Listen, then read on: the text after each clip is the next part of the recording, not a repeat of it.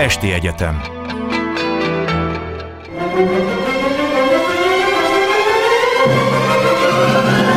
A világ urai. Merre rángatják a világ szekerét a hatalmasok? Szénási Sándor műsora Jó estét kívánok! Ma esti vendégünk Meleg Attila, szociológus, demográfus, a Corvinus Egyetem professzora. Jó estét önnek is! Jó estét kívánok mindenkinek! Amiről pedig beszélni fogunk. Ugye az ukrajnai háború egyik szörnyű fejleménye az az élelmiszerválság, ami fenyegeti Észak-Afrikát, Egyiptomot, vagy éppen Libanon, de hát több országról is beszélhetünk. Annak következtében, hogy az oroszok lezárták ugye az ukrán kikötőket, a gabona nem igen jut ki, és hát a ukrán gabonaszállítmányok azok rendes és betervezett részei voltak különféle nemzetgazdaságoknak, amelyek képtelenek annyi gabonát előállítani, mint amennyit a lakosság fogyaszt olcsón, tehát így is dotált árakon. Ugye emlékezzünk vissza a 80-as években, már mint a múlt században, hogy Egyiptomban azt hiszem, hogy egy gurussal, tehát majdnem egy pár fillérrel emelték meg annak a lapos kenyérnek, a népi kenyérnek az árát, és hát gyakorlatilag majdnem forradalom tört ki. Tehát azzal kell számolni, hogy amennyiben ez a gabona nem érkezik meg, és hát sajnos most úgy néz ki, hogy nem fog, abból lázadások lesznek, és hát főként a migráció növekedése. Hogy mit gondol erről? Hát két dologban egy picit módosítanék pályát. Jó.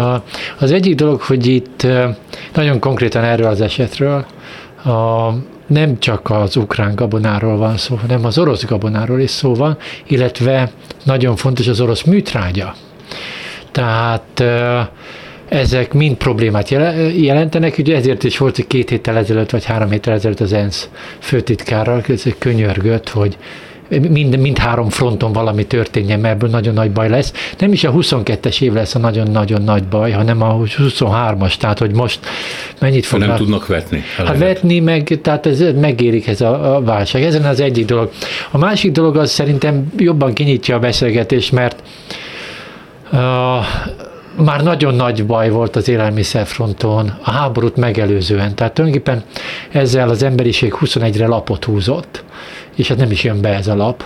Tehát ez a háború egy nagyon feszült helyzetet uh, visz még előre. És ennek a feszült helyzetnek az okait korábban is érdemes megnézni, hogy ez miért következett be ez az élelmiszerválság, uh, és miért van baj uh, már hosszú ideje. Tulajdonképpen, ha én jól átgondolom, akkor egy jó 100-120 éve tulajdonképpen az emberiség küzdik egy problémával, és nagyon nagy feszültségeket halmoz föl, ami az élelmiszer termelés körül van, és ebben érdemes egy-két ponton belemenni, úgyhogy föl is ajánlanám ezt a dolgot. Tehát ez az, éhénység, az éhénységek történetétől kezdve a, magára az élelmiszer termelés történetére a, a, visszatérve. Tehát amikor ugye a, kapitalizmus megteremti a szabad piacát, az agrártermékeknek. Ez egy nagyon fontos dolog.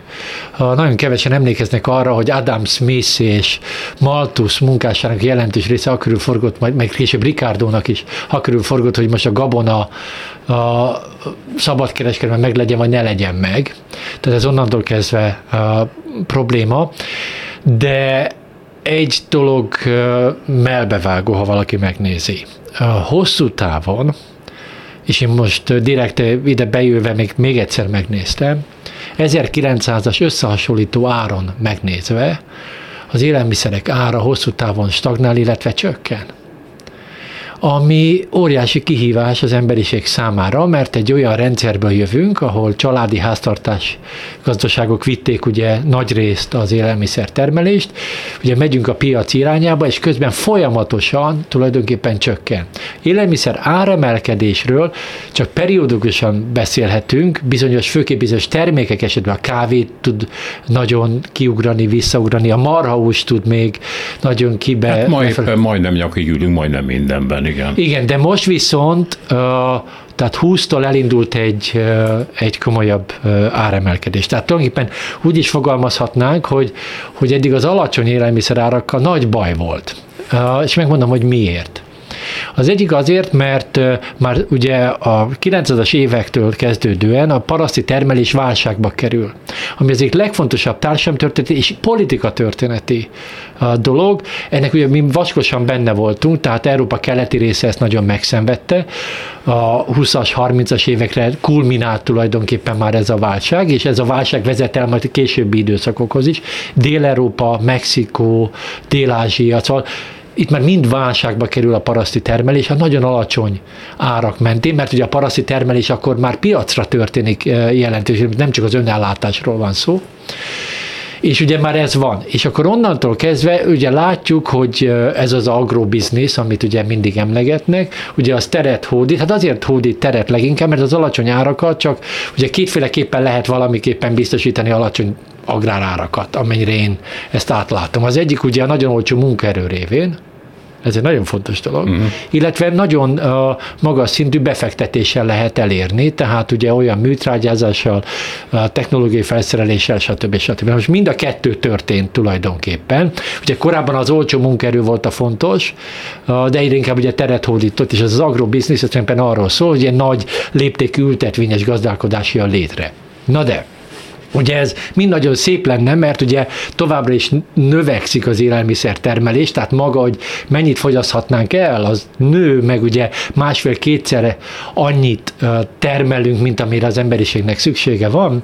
De az ültetvényes gazdálkodás és ez a piaci rendel azonban több nagyon nagy baj van. Az egyik dolog, hogy és itt kapcsolódik az, a, a feltett kérdésre, hogy a migráció lesz hogy függ össze. Hogy a, hogy a parasztoktól el kell venni a földet. Tehát ez ugye a parasztok vagy maguktól adják a földet, vagy fölvásárolják, vagy adott esetben erőszakkal elveszik uh-huh. tőlük.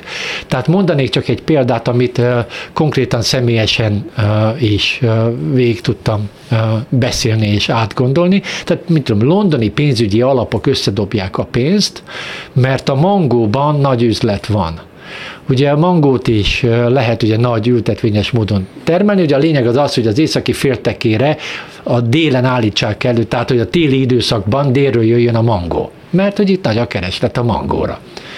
És akkor ezek a befektetők összedobják a pénzt, majd lemennek, mit tudom én, Afrikába, lemennek mondjuk Zimbabvébe, vagy lemennek egy másik államba, és ott hirtelenjében, most szó szerint mondok egy projektet, 30 ezer parasztnak felvásárolják a földet. És amikor azt kérdezzük tőlük, hogy mennyi parasztot foglalkoztatnak vissza, akkor meg nulla.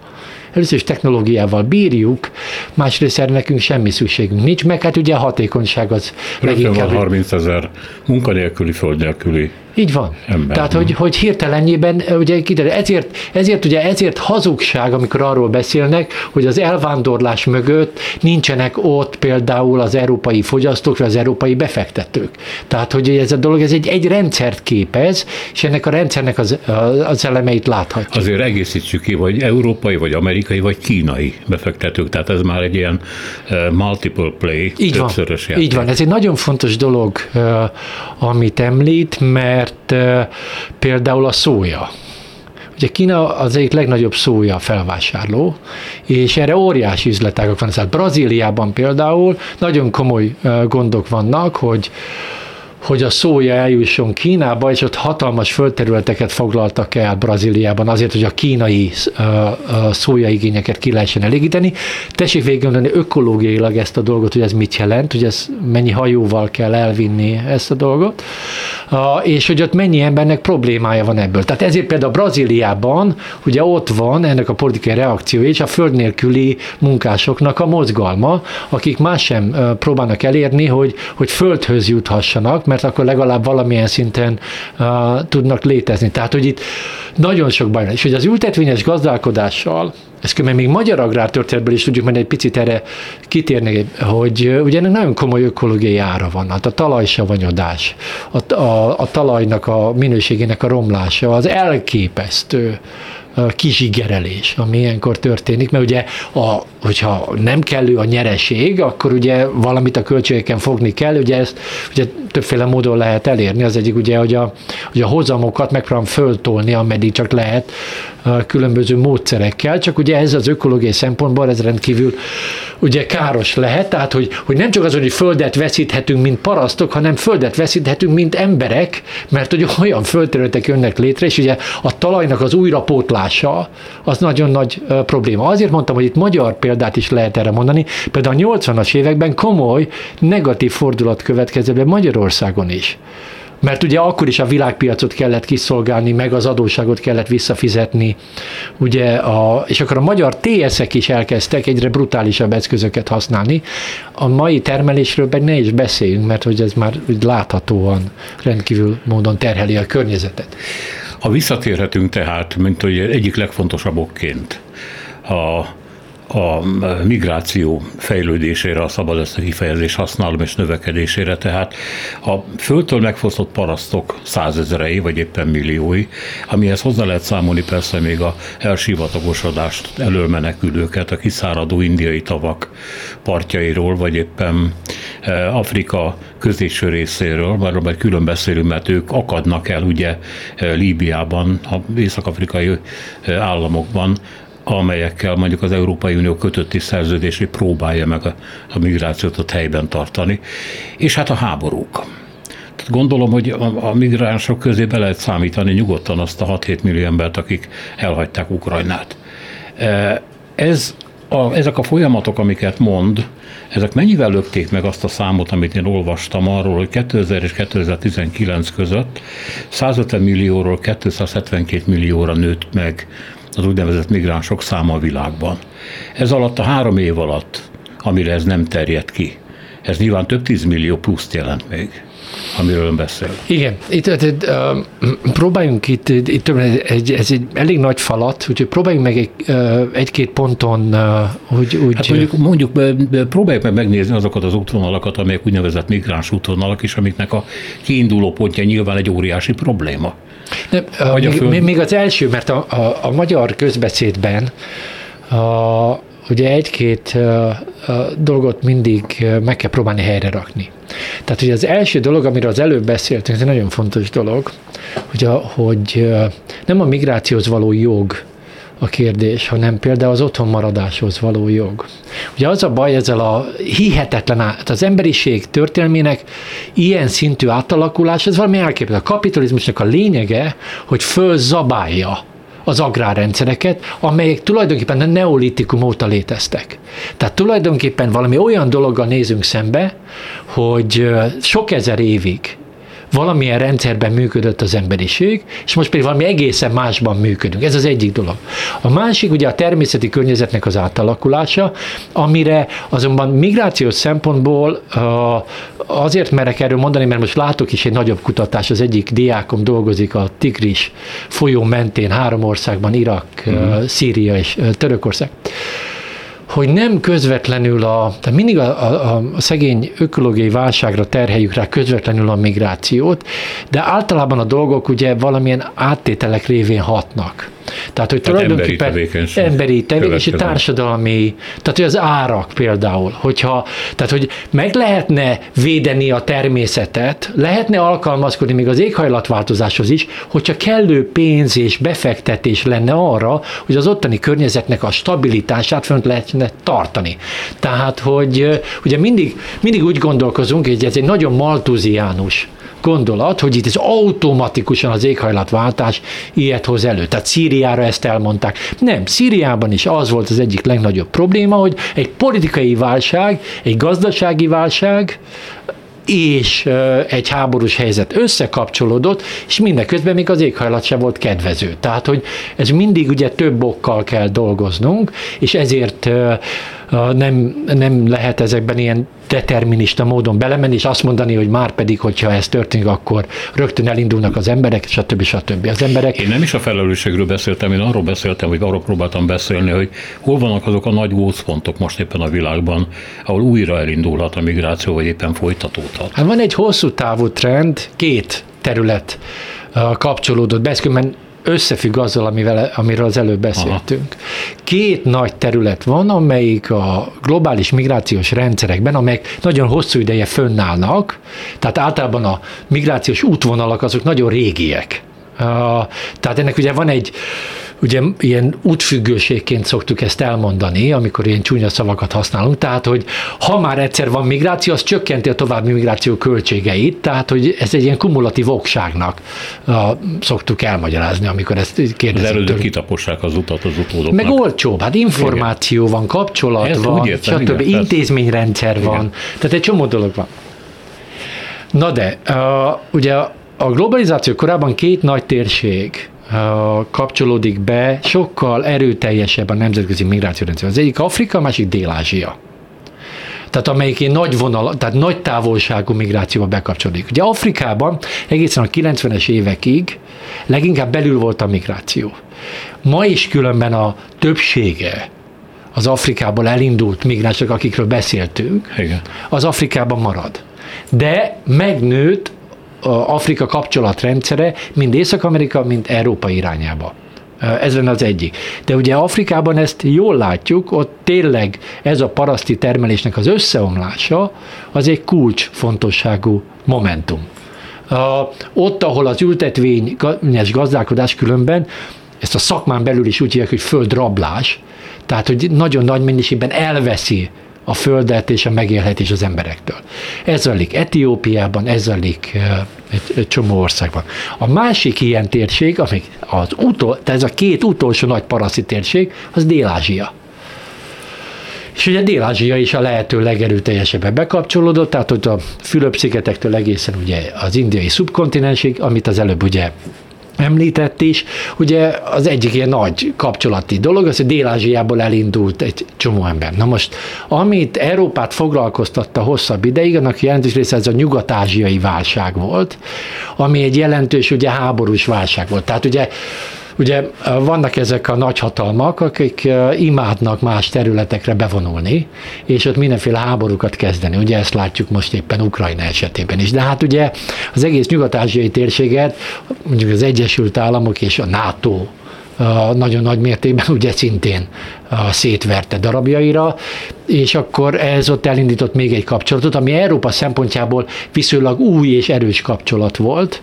Tehát ugye azért még Nyugat-Ázsia nem ez a paraszti probléma igazából, Nyugat-Ázsia az egy, az egy, ez egy háborús probléma. Az egy borzasztó de... háborús és gazdasági egyben, tehát azért nem mondanám, hogy nem volt benne, de nem volt olyan masszív paraszti világ mondjuk, mint Dél-Ázsiában.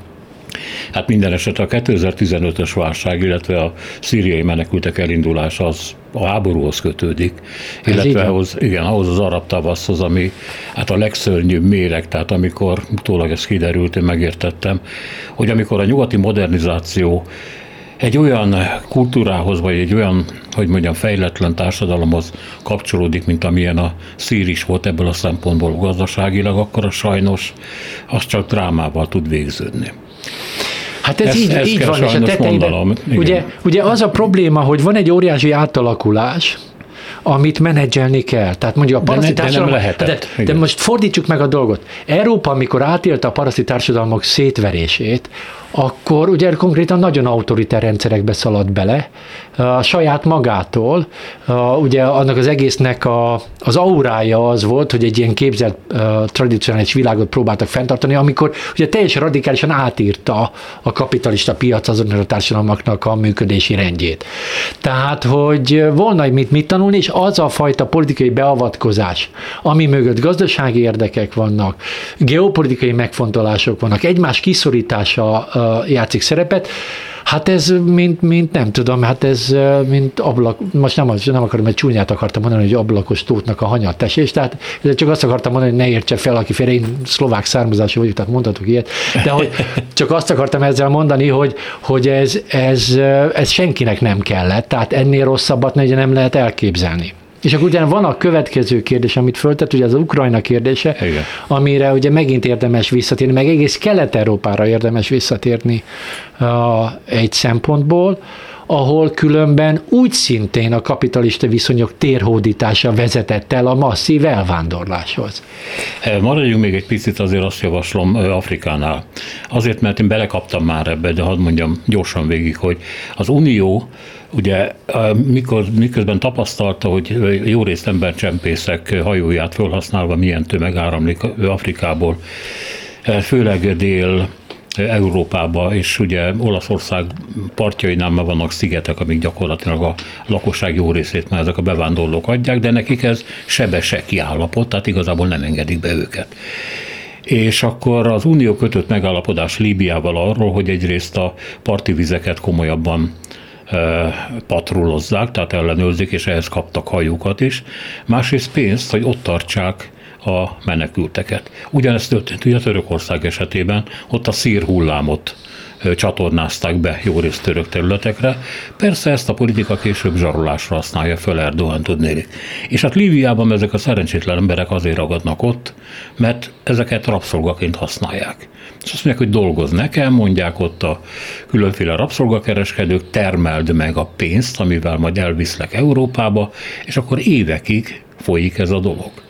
Az unió szeme láttára. Igen, de menjünk vissza egy, egy lépéssel korábbra. Tehát Észak-Afrika az egy nagyon fontos kérdés.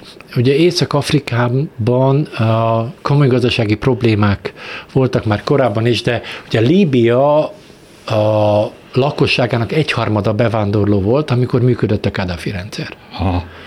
A, és ugye ez nagyon, van egy nagyon fontos dolog, amit ugye Sárközi és Cameron hozott össze, mert ők ugye kitalálták, hogy Líbiát lebombázzák és akkor ez nem sikerült neki. Hát úgy is, mint latorállamot, tehát azért a Kadafi nagyon sokat tett a Kadafi rendszer azért. Ez így van. Hát csak repülőgépeket ilyen, fog robbantani, emberek tucatjait megölni, azért volt ott valami a számlán. Én a, a, a Kadafit ebből a szempontból felmenteni senki se akar. Itt mindig van egy másik, tehát ugye amikor én elkezdek, tehát bocsánat, tehát amikor elkezdek bombázni egy idegen területet, tehát háborús cselekményekbe megyek bele, akkor azért tessék végig a következményeit. Na most ezek a következmények több szinten nem voltak végig gondolva, olyannyira, hogy nem ment nekik. Ezért kérték meg Obamát, hogy segítsen, aki végül is ugye az amerikai légierővel besegített ebbe a dologba. Cserébe kaptunk egy olyan államot, aminek semmi nem szinten nem működik. Tehát három darabra szakadt, egymást lőtték, mint az őrült, és közben ugye ott voltak a, a vándorok, akik szintén különböző csatornákon keresztül megpróbáltak tovább menni, és akkor említette ezeket a nagyon fontos és embertelen állapotokat, ami előállt Egy Líbiában, ahova egy végtelen csapdahelyzet jött létre, csak ez nem azért van, hogy itt az Unió olyan szépen végnézte, hanem az Unió tulajdonképpen masszívan benne volt ebbenek a válságnak az előre, előállításában. Tehát azért én azért nem felejtem el, amikor egyszer a BBC újságírója nekem elkezdte mondani, hogy milyen komoly morális dilemmái vannak az angol miniszterelnök, már mint Cameronnak, és akkor kicsit nevettem, hogy azért én ezeket a morális dilemmákat egy kicsit korábban kezdtem volna.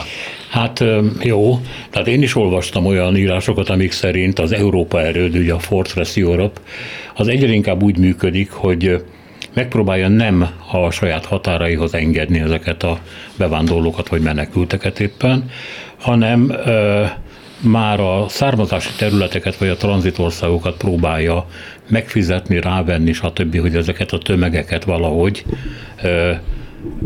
hát hogy mondjam, csak tartsa, vagy magában, vagy a határainál, mert egyébként az európai határoknál kezelhetetlen helyzetek alakulnak ki. Csak azt akarom mondani, hogy persze ez a csapdahelyzet, ez Európa számára is egy csapdahelyzet. Megmondom, hogy miért. Nem matematikai kérdésről van szó, hogy hány bevándorlót tud Európa eltartani, hanem arról, hogy mi az a pont, amikor egyszerűen a bevándorlók léte a többségi társadalmat bújtatja lázadásra. Biztos, hogy tudja, hogy vannak ezek a befogadó osztályok, amikor szegény sorból jövő gyerekek, és tulajdonképpen jól teljesítő középosztályi gyerekek vannak együtt, és kiszámolták, hogy kb. 15%-a lehet az osztálynak, elmaradott rossz családokból jövő gyerek, mert annyit a többi föl tud szívni, meg tudja tanítani, be tudja fogadni. Ha ennél magasabb ez a létszám, akkor elkezdődik egy belső háború és húzavon, ami senkinek nem jó. Tehát ennyit azért tegyünk meg Európa javára, hogy itt korlátlan befogadási képességgel nem rendelkezik, és nem is teheti meg belső robbanás nélkül. Bocsánat, ilyen hosszan De nem, beszéltem. nem, ez nagyon nem, ez, ez, én azt gondolom, hogy ez egy fontos, és a beszélgetése fontos. Tehát nem azért ülünk itt, mert hogy mi ilyen kinyilatkoztatásszerűen tudjuk, hát át kell gondol, racionálisan át kell gondolnunk, hogy mi történik, Igen. meg hogy uh, mi történt uh, az elmúlt időszakban. Na most uh, az első dologra még térjünk vissza, tehát ez, amit most Ruanda kapcsán előkerült, tehát hogy uh, Nagy-Britannia a megállapodott Ruanda. Rodézia, nem? Ruandára. Hát Rodézia már ugye nincsen 70, nem Ja, tudom, Ruanda, hány óta. bocsánat, igen. Jó, Ruanda. igaz, igaz. Uh, ha én jól, tehát hogy uh, tévedhetek, de én, én, erre, én így olvasom, hogy Ruanda. De most ezt tegyük fél, ez egy nemzetközi jogi probléma is, hogy egyáltalán a nemzetközi jog szempontjából ugye menedékkérelmet csak az adott ország területén lehet uh, alapjába véve benyújtani, de én most ebben nem mennék bele, én csak egy zárójelbe tenném ezt a dolgot, mert ezek ilyen, egy ilyen nagyon furcsa megoldások. A másik, Bocsánat, csak ha, ha, ha egy hallgató nem tudná, ugye a brit kormány Ruandába vinni el azokat a menedékkérő embereket, akik nem Nek az kapnak. eljárása folyik, Igen, igen. igen.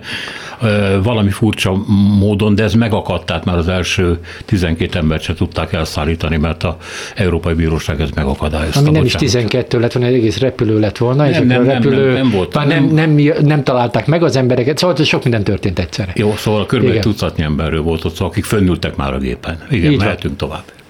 Jó, de ezt most, ezt most egy pillanatra tegyük zárójelbe. A másik az egy nagyon fontos dolog, és ott, ott egy picit szemléletileg módosítani kell a dolgokat. Tehát, hogy a, hogy Európa és a migrációs rendszerek, és hogy ez hogy történik hosszabb távon, ha ránézünk. Na most ugye Európa a 60-as, 70-es évekig elvándorló terület, alapjában véve, nem bevándorló terület.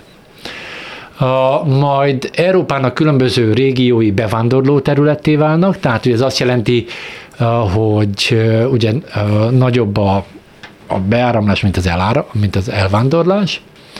A Kelet-Európa ugye ebből a szempontból majd ki fog lógni ebből a sorból, mert Kelet-Európa egy része ugyan elindul ebbe az irányba, ilyen volt Magyarország is, de utána megáll, vagy val ez a mm, átalakul, illetve egy hihetetlen elvándorló térségé válunk, amíg mondjuk a 2010-es években 20 millió embereket tehát állomásoztatott kint, tehát akik itt születtek, de innen elvándoroltak. Tehát ez lenne az egyik dolog. A gondolkodás szintjén is nagyon nagy kihívások voltak, és átalakulás történt. Az egyik az az, hogy nagyon sok állam hosszú ideig, még Hollandia is ilyen volt, nem bevándorlóként gondolkozott magának, hanem elvándorlóként. Németország volt az egyik legérdekesebb állam ebből a szempontból, amelyek tudatosan a 2000-es években átváltott, korábban mindig azt mondták, hogy ők nem bevándorló állam, majd pedig azt mondták, hogy a bevándorlás fontos. De a legfontosabb dolog, amire én ezt szociológusként meg tudom ítélni, és erre azért most hosszabb elemzést is végeztem, tehát hogy a migrációról való diskurzusok hogy alakulnak át, a gondolkodás hogy alakul át, akkor tulajdonképpen először létrejön egy ilyen piaci blokk, amelyik azon gondolkozik, hogy létrehoz egy ilyen nagyon absztrakt migráns kategóriát, vagy létrejön, ami mindent magába szív. Ez korábban nem volt Ez így. milyen, milyen kategória? Ez azt jelenti, hogy a menekült, a menedékkérőtől elkezdve a családi migrációban részt vevő. Hogy bedobozolja őket különféle De nem, nem, bedob, nem dobozolja be, hanem egy egészen egy nagy kategóriába. Aha. teszi bele, majd pedig ugye egy piaci kalkulus tárgyává teszi, és akkor elkezdi mondani, hogy hát ez hasznos a gazdasági növekedés szempontjából, illetve demográfiai problémák vannak, illetve munkerőpiaci problémák vannak, tehát ugye ez unblock, így ahogy van. Tehát ilyen billió dolláros csekkekről beszélnek, most ezt nagyon konkrétan mondom, tehát az Economist-tól elkezdve ez létrejön. Ez a 90-es évektől indul el, én ezt végelemeztem a Világbank dokumentumaiban is, tehát hogy létrejön egy tulajdonképpen egy ilyen nagy uh, piaci blokk. Amiről viszont tudjuk, és a magyar társadalomtudósnak, Polányi Károlynak is köszönhetjük, hogy amikor egy nagyon nagy piacosítás folyik, gondolkodásban is, az ellenmozgásokhoz vezet. És ugye a másik ellenmozgás, amíg a piacot nem kérdőjelezi meg, de azt mondja, hogy vélt és valós kulturális és társadalmi következmények miatt az állam minél erőteljesebben avatkozzon be, és szelektáljon, kontrolláljon, utasítson el, uh-huh. tehát nyomja el ezeket a folyamatokat. Most ez a két, ennek a két nagy blokknak látjuk most a küzdelmét és ez a két nagy blokk nem csak Magyarországon van, hanem ez a világ nagy részén ugye létrejött, és ebben, ebben még nem jutottunk erre. Tehát én nagyon sok példát tudok mondani a hallgatóknak, amíg én magam is ö, fölmértem, hogy tulajdonképpen ez történik. Tehát, és közben ugye az is történt, hogy, hogy ténylegesen piacosodott a migráció. Egyrészt hihetetlen sok szereplő van, aki szervezi a migrációt. Ez kelet-európai elvándorlók is tudják, hogy a munkaügynökségek száma fölment az egekbe. Tehát a piac szerveződik. Egyre inkább ráépülnek iparágak arra, hogy a bevándorlás. Tehát ugye próbáljon valaki a szállodaiparban nem bevándorlókkal találkozni. Bárhova megy a világ. Hát, vagy nem bevándorlók, hanem, eh, hogy mondjam, megvett és eh, továbbított munkaerő Sőt, tartalékok. Ezek ez nagyon pontos.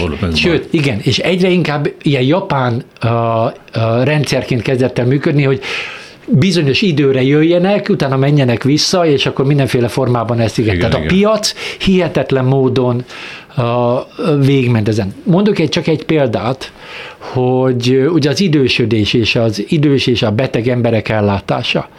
Ez akkora iparággá vált, olyan piaci, ami korábban nem volt piaci, és összefügg az első nagy társadalomtörténeti problémával, amiről elkezdtünk beszélni, tehát, hogy piacosodunk, már csak azért is piacosodunk tovább, mert demográfiai átalakulás van, behaltak a, a paraszti rendszerek, tehát a paraszti családi háztartási rendszerek, és tévedés ne, ne értsék félre a hallgatók, én ezt idealizálni akarom, én ezt nekem értéksemlegesen is el tudom mondani, hogy azok egyszerűen megszűntek, és ezért egy másik van. Ezért mindenki az állampiac ellentétpárba kell, hogy gondolkozzon, mind az itt lak, lévő lakosság, hogy az államtól várja, vagy a piactól várja, hogy a problémáit megoldja, illetve a bevándorlók egy jelentős része is pont ebbe gondolkozik, mert a bevándorlók leginkább ugye jönnek olyan területekről, ahol nincs társadalombiztosítás, hosszabb távon mégiscsak valahogy jövedelmet kell biztosítani, hogy utána saját maga számára tudja biztosítani a működést. Tehát, hogy ezért mondom csak, hogy itt egy olyan dinamika indult el,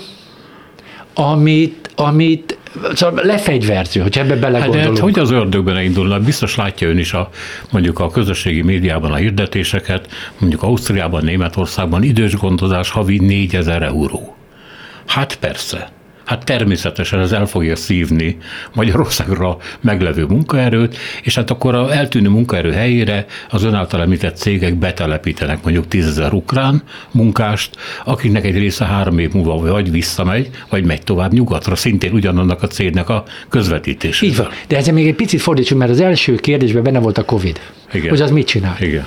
Na most itt ez egy, ez egy nagyon jó példa. Uh, tehát ugye, hogy néz ki? Például Ausztria hogy a következő rendszert vezette be. Ad valamennyi készpénzt a családoknak, akik idős gondozási igényel jelentkeznek nála. Ugye ez önmagában rögtön keresletet jelent, tehát az osztrák állam azért, mert a globalizáció korában élünk, amikor a jóléti rendszereket azért illik leépíteni, akkor inkább egy kis készpénzzel megpróbálja azt a, ugye, bevándorlók révén megoldani azt a problémát, amit különben, ugye mert az újraelosztás csökken, meg stagnál, a globalizáció korában, miközben az idősödés megy föl az egekbe.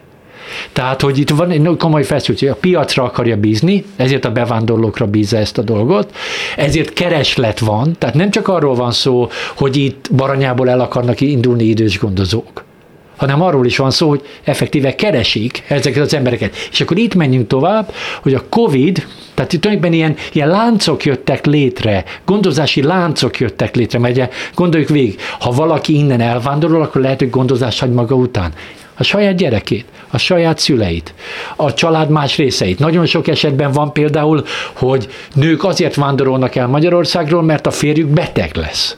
Uh-huh. És hogy a betegség miatt kiesik, azért, hogy a jövedelmeket pótolják. Tehát valami egészen elképesztő. Én hallottam olyan eseteket is, hogy egy 50 éves nő azért ment el öreg, öregeket gondozni, hogy a, hogy a fiát és a feleségét megörvendeztesse egy lakásra, mert egyébként nem tudtak volna hozzájutni. Há, hogy ne. Tehát De. mindig az öregek termelik ki a fiataloknak ezt, mert olyan ingatlan árak vannak, és olyan csökkenő reálbérek, amik ezt kényszerűvé teszik. De egyébként azt akartam kérdezni, hogy nagy baj ez? Amiről beszélünk? Tehát mondjuk a 2015-öt vesztük, ugye Merkel is azt mondta, amit elismételte, amit a német piaci szereplők mondtak, hogy kell a német iparnak a munkaerő, Szíriából jó középszinten képez, képzett emberek jönnek, ez nem volt igaz, mert egy szíriai mérnök nem értett a német gyárban ahhoz, ami ott történik, és nem tudtak németül, de sikerült valamiképpen mégiscsak beépülniük és segíteni a német gazdaságon? Mert ha igen, akkor a piaci szereplőknek van igazuk, sajnálom. Hát én szerintem a szociológus nekem nem kell igazságot tenni, nekem, nekem elemeznem kell a helyzetet. Uh, de ugye azért hozzátenném, nem csak az iparról van szó, ugye az idős gondozásról beszéltünk, és az agrárcselédekről. Igen. Az egyik legnagyobb probléma a Covid kapcsán derült ki, az az agrárcselédeknél uh, került ki. No de, én csak annyit mondok, elemzések alapján, hogy ez egy rendszer, tehát ebbe az irányba mozdultunk el, tehát nyilván vannak történelmi hajtóerő, van történelmi hajtóerő mögötte, de azt nem mondhatjuk, hogy ez feszültség nélkül megy. Nem, Mondok nem, hármat. Nem, Vannak családi szintű feszültségek. Tehát aki például ezekkel az elvándorlókkal valaha interjúzott, akkor tudja, hogy milyen hajmeresztő manőverekbe mennek bele azért, hogy az egész rendszer tudják működtetni. Mert ugye úgy van azért, nagyon szép béreket mondunk. A szép béreknél azonban három dolgot hozzá kell tenni. Mennyi a munkaidő? Ugye Ausztria úgy csinálta meg a rendszert, hogy szolgáltatást vásárolnak a családok, nem munkára vesznek föl embereket, tehát nem érvényesek a munkaidő szabályok. Aha. Tehát szolgáltatást vesznek, az azt jelenti, hogy például két hétig 0-24 óra. Tehát amikor visszavetítjük ezeket a béreket a valós elvégzett munkára, az már komoly gondokat jelent. Illetve, hát könyörűen ott lenne, hogy a családját magával tudja vinni. Hát mégiscsak egy érző lényről van szó, aki gondoskodna a családjáról, az ugye nincsen benne a bérben soha. Tehát magán a mikroszinten nagyon komoly feszültségek állhatnak elő. Ha neki még otthon gondozandó idős szülei vannak, akkor meg végképp a feje tetején áll. Ugye ezt leginkább nőként csinálják végig, ami már ugye eleve adott egy handicapet ebben a dologban. Tehát ugye ez, ez az egyik. De az országok szintjén is baj van.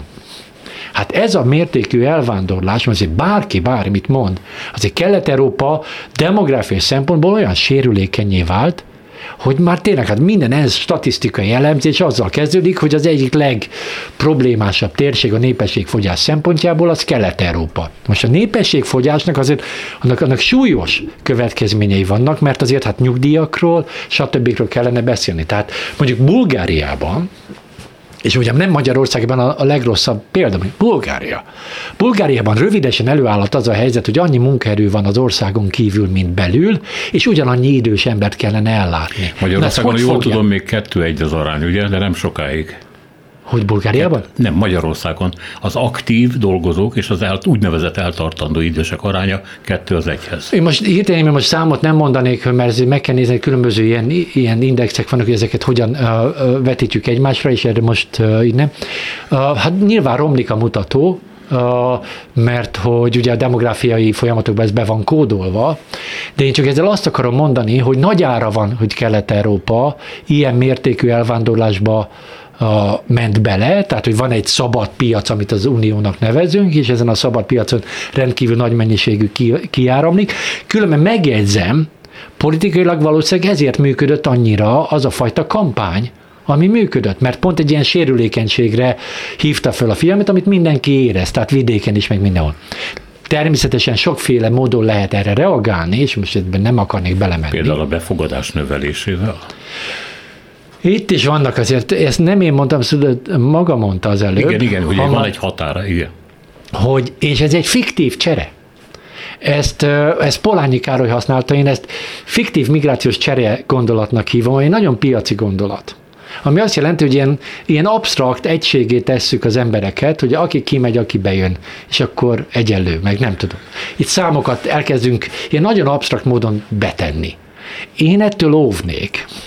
Mert azt gondolom, hogy minden migrációs kapcsolat, az egyben egy történeti, kulturális kapcsolat is, tehát hogy ez hogy működik, ezek nem, szóval nem lehet itt ilyen nagyon egyszerű számokkal dolgozni, de abból a szempontból viszont megfordítva a gondolatot, hogy ebbe az irányba van egy nyomás, mert ugye népességcsökkenés van, az ugye azt a félelemérzetet még jobban növelheti.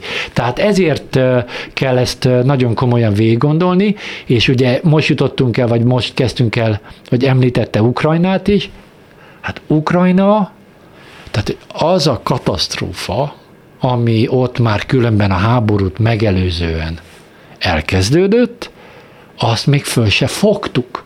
Ebben különben az elvándorlás tehát Ukrajna elván, ami különben magas volt eleve, mert 2015 körül is már 4-5 millió Ukrajnában született ember élt Ukrajnán kívül, ami ez magas arány volt. És erre jött rá a háború, és erre jött rá ez a teljes állami szétesés, ami, és ez egy nagyon fontos dolog, miközben ugye fontos élelmiszer termelő is egyben Ukrajna, tehát így jutottunk el ahhoz a problémához, hogy, hogy tulajdonképpen itt a feszültségek már eleve nagyon magasak voltak, és akkor erre jött be ez a helyzet, amitől most mindenki a fejét fogja, hogy akkor ez most hogyan lesz megoldva. Hát én nagyon csodálkoznék, hogyha ennek a 6-7 millió embernek a, a jelentős része visszamenne. Ugyanis fölperzselt földre menne.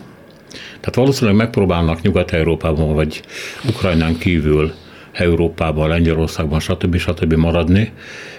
És itt van egy nagy szerencse, hogy ezek a társadalmak nem ellenségesek velük, legalábbis eddig még, mert úgy gondolják, hogy hát kb. olyanok, mint én, nem barna a bőrük, nem muszlimok, stb. nem keresztények, stb. Tehát így könnyebben, kulturálisan könnyebben fogadni őket, hogy ebből aztán később mi lesz, azt persze nem tudom. Na most ez az, amikor egy, egy szociológus pontosan látja, hogy milyen hierarchiák vannak, ami ugye az előbbi dologra is visszamegy, tehát milyen hihetetlen hierarchiák vannak.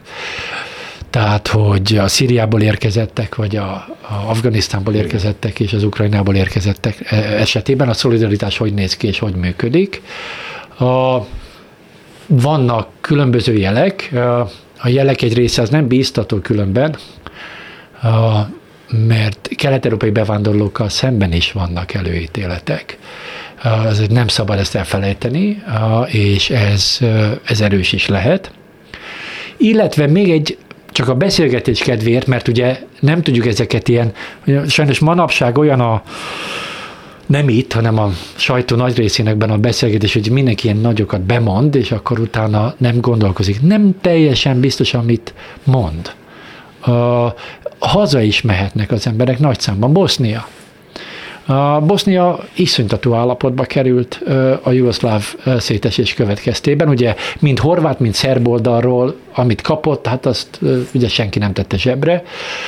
Például Magyarországra érkezett menedékesek, akik szintén ilyen menedékes státusz kaptak, azok szinte az utolsó darabig visszamentek. Ugye van egy másik dolog is, hogy hát egyrészt nem biztos, hogy itt úgy alakul a munkaerőpiac, meg úgy működik a dolog, hogy abba ő megtalálja Belefér. saját mhm. magát. Mm. Másrészt a családja fele otthon, otthon maradt, még a háború ellenére is otthon maradt a családja fele. Tehát, hogy ott megint csak ebbe, ebből a szempontból gondok lesznek.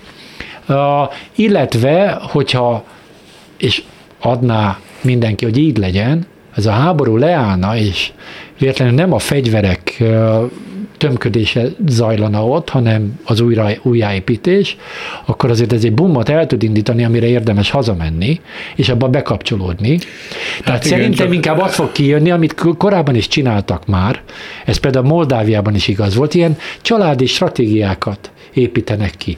Ez amikor kollégáimnak szoktam mondani, hogy nem az egyén dönt, hanem a családi stratégiák jönnek Aha. létre. Egy valaki maradjon itt.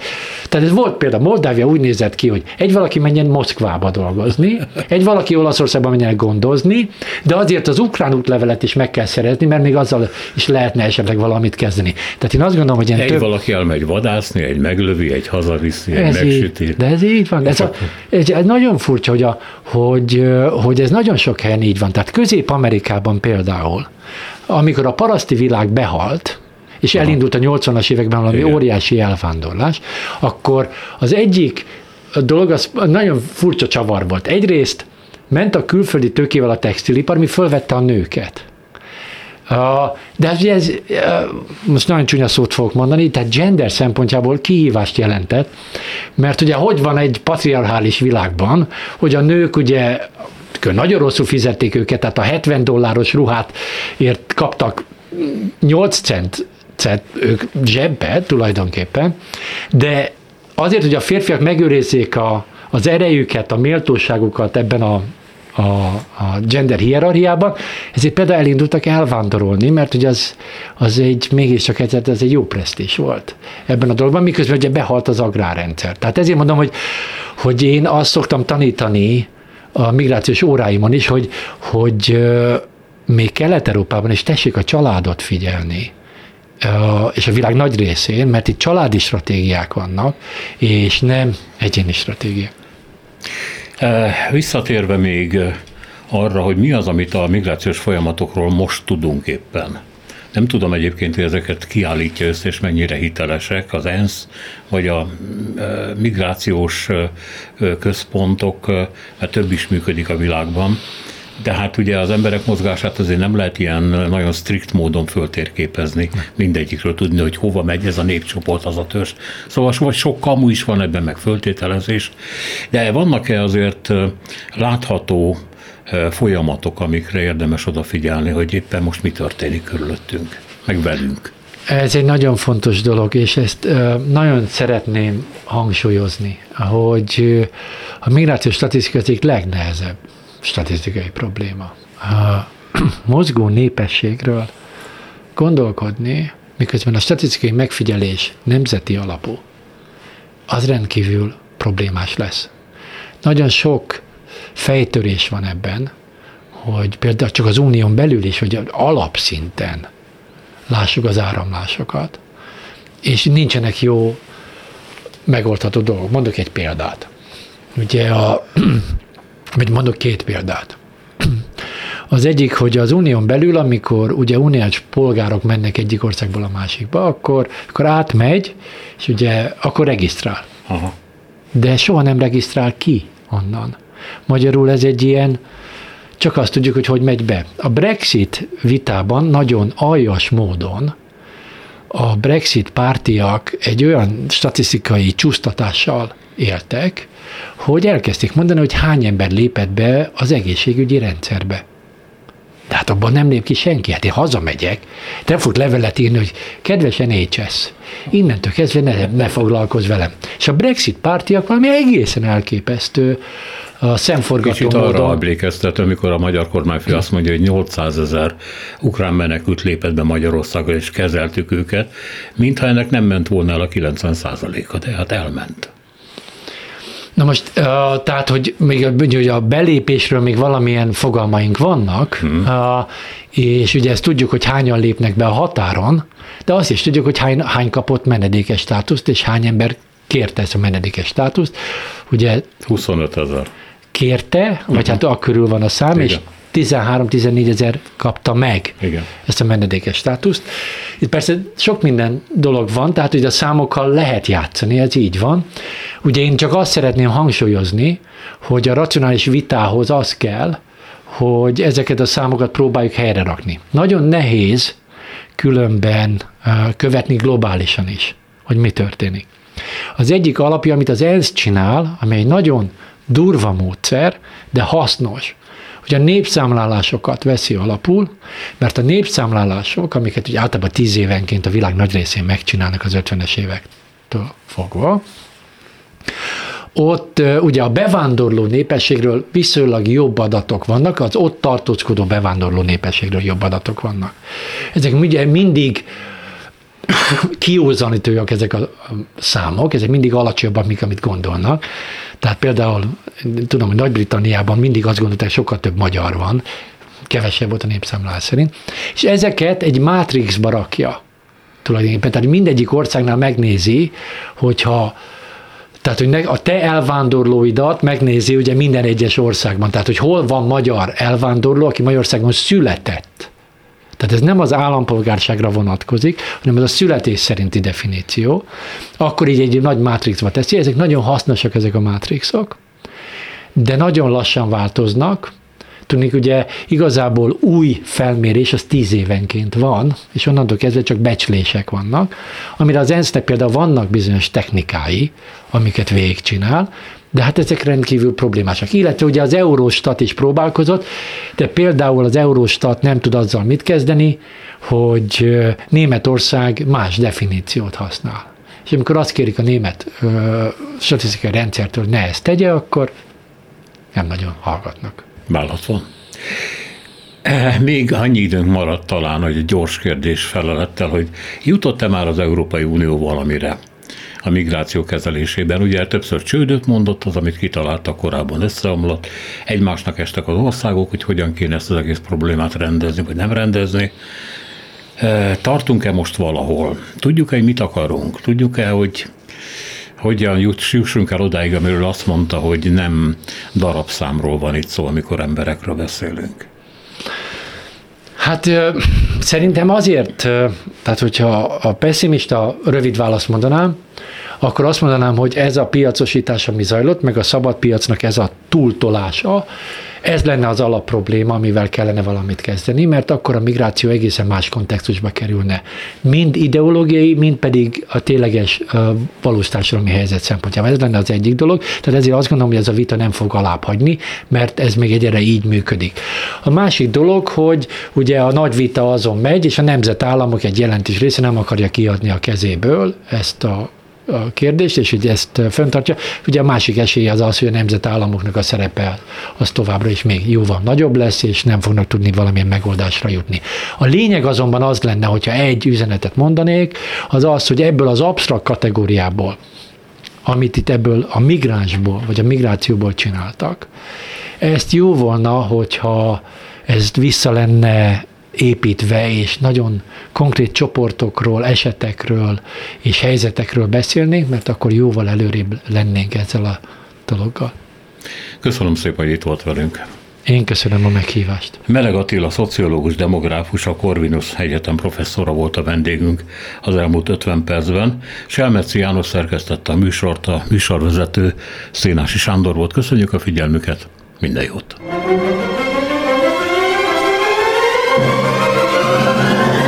Világ Urai című műsorunkat és Szénási Sándor műsorvezetőt hallották.